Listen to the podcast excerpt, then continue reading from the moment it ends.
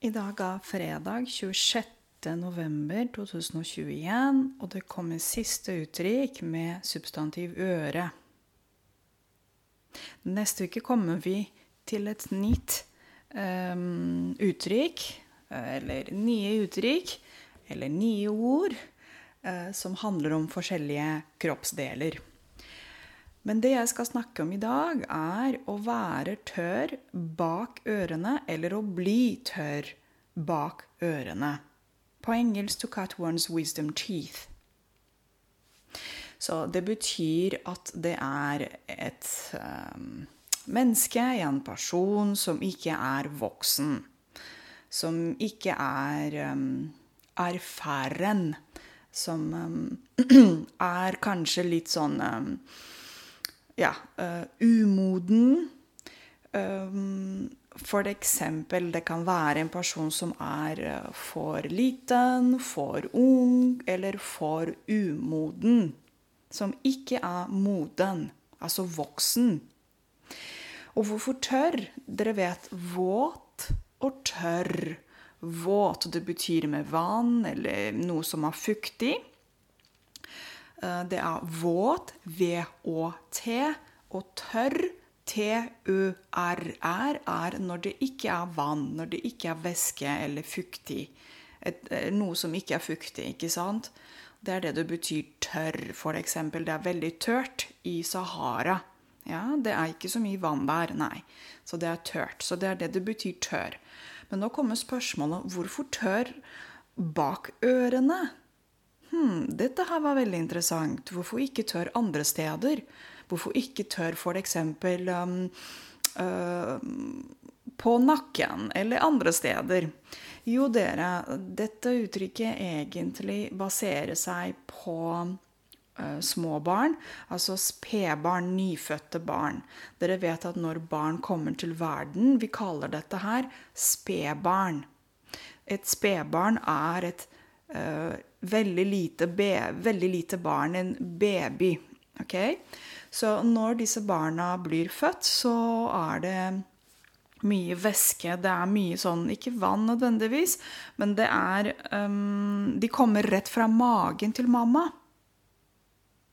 Og de er fuktige bak ørene. Ja, så det er noe som er typisk til spedbarn. Og basert på dette så bruker man uttrykket 'å være' eller 'å bli tørr bak ørene'. Eventuelt 'å ikke være tørr bak ørene'. eller 'å ikke bli tørr bak ørene', kan man også si. Så her må dere sjekke forskjellen mellom 'å være' og 'å bli'. Ja. Ja, nå skal jeg uh, gi dere et par eksempler. Ikke min uh, favoritt, men ja. um, hva kan man si? For eksempel um, uh, Hvis vi snakker om um, en ansatt Det er kanskje ikke så veldig vanlig i Norge, men man kan si for eksempel at jeg jeg uh, synes at det er best å ansette uh, en uh, som er eh, tørr bak ørene.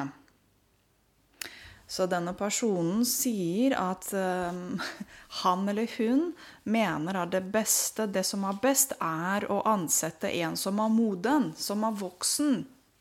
Som ikke er barnslig, som ikke oppfører seg som et barn. Kanskje fordi det er en jobb som krever mye ansvar.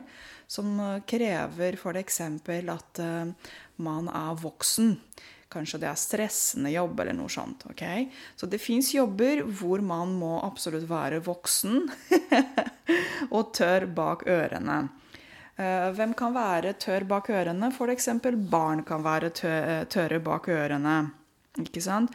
Man kan si at nei, vi kan ikke stole på Jonas fordi han er ikke tørr bak ørene ennå. Vi må nok vente litt til han, han blir større. Så her er det en situasjon om en gutt som heter Jonas, og han er ikke moden nok. Han har ikke kanskje nok erfaring. Han er um, han er kanskje jeg vet ikke, 12-14 år. og vi må vente til han blir tørr bak ørene. Vi må vente til han får litt mer erfaring og er litt mer ansvarlig. Okay? Så dette her med å, å være tørr bak ørene kan brukes om barn, unge mennesker, eventuelt voksne også. Man kan også si om andre uh, voksne som er ikke tørre, tørre bak ørene, fordi de er ikke voksne nok. Ja, kanskje ikke bare Jeg vet ikke om det er mer typisk for menn. Jeg vil ikke skille dette her mellom menn og kvinner.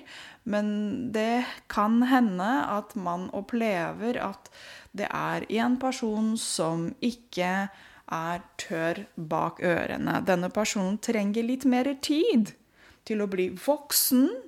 Så hva betyr å bli voksen? Det betyr å eh, En person som er ansvarlig. Som kan ta ansvar for ting, som kan bestemme for ting, ikke sant?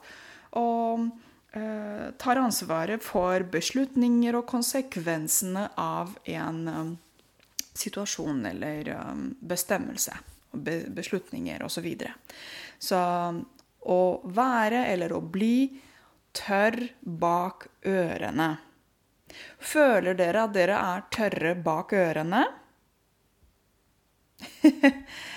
Jeg ønsker dere en kjempefin dag videre. Det er fredag. Jeg, til slutt så vil jeg anbefale dere å støtte Cash Friday.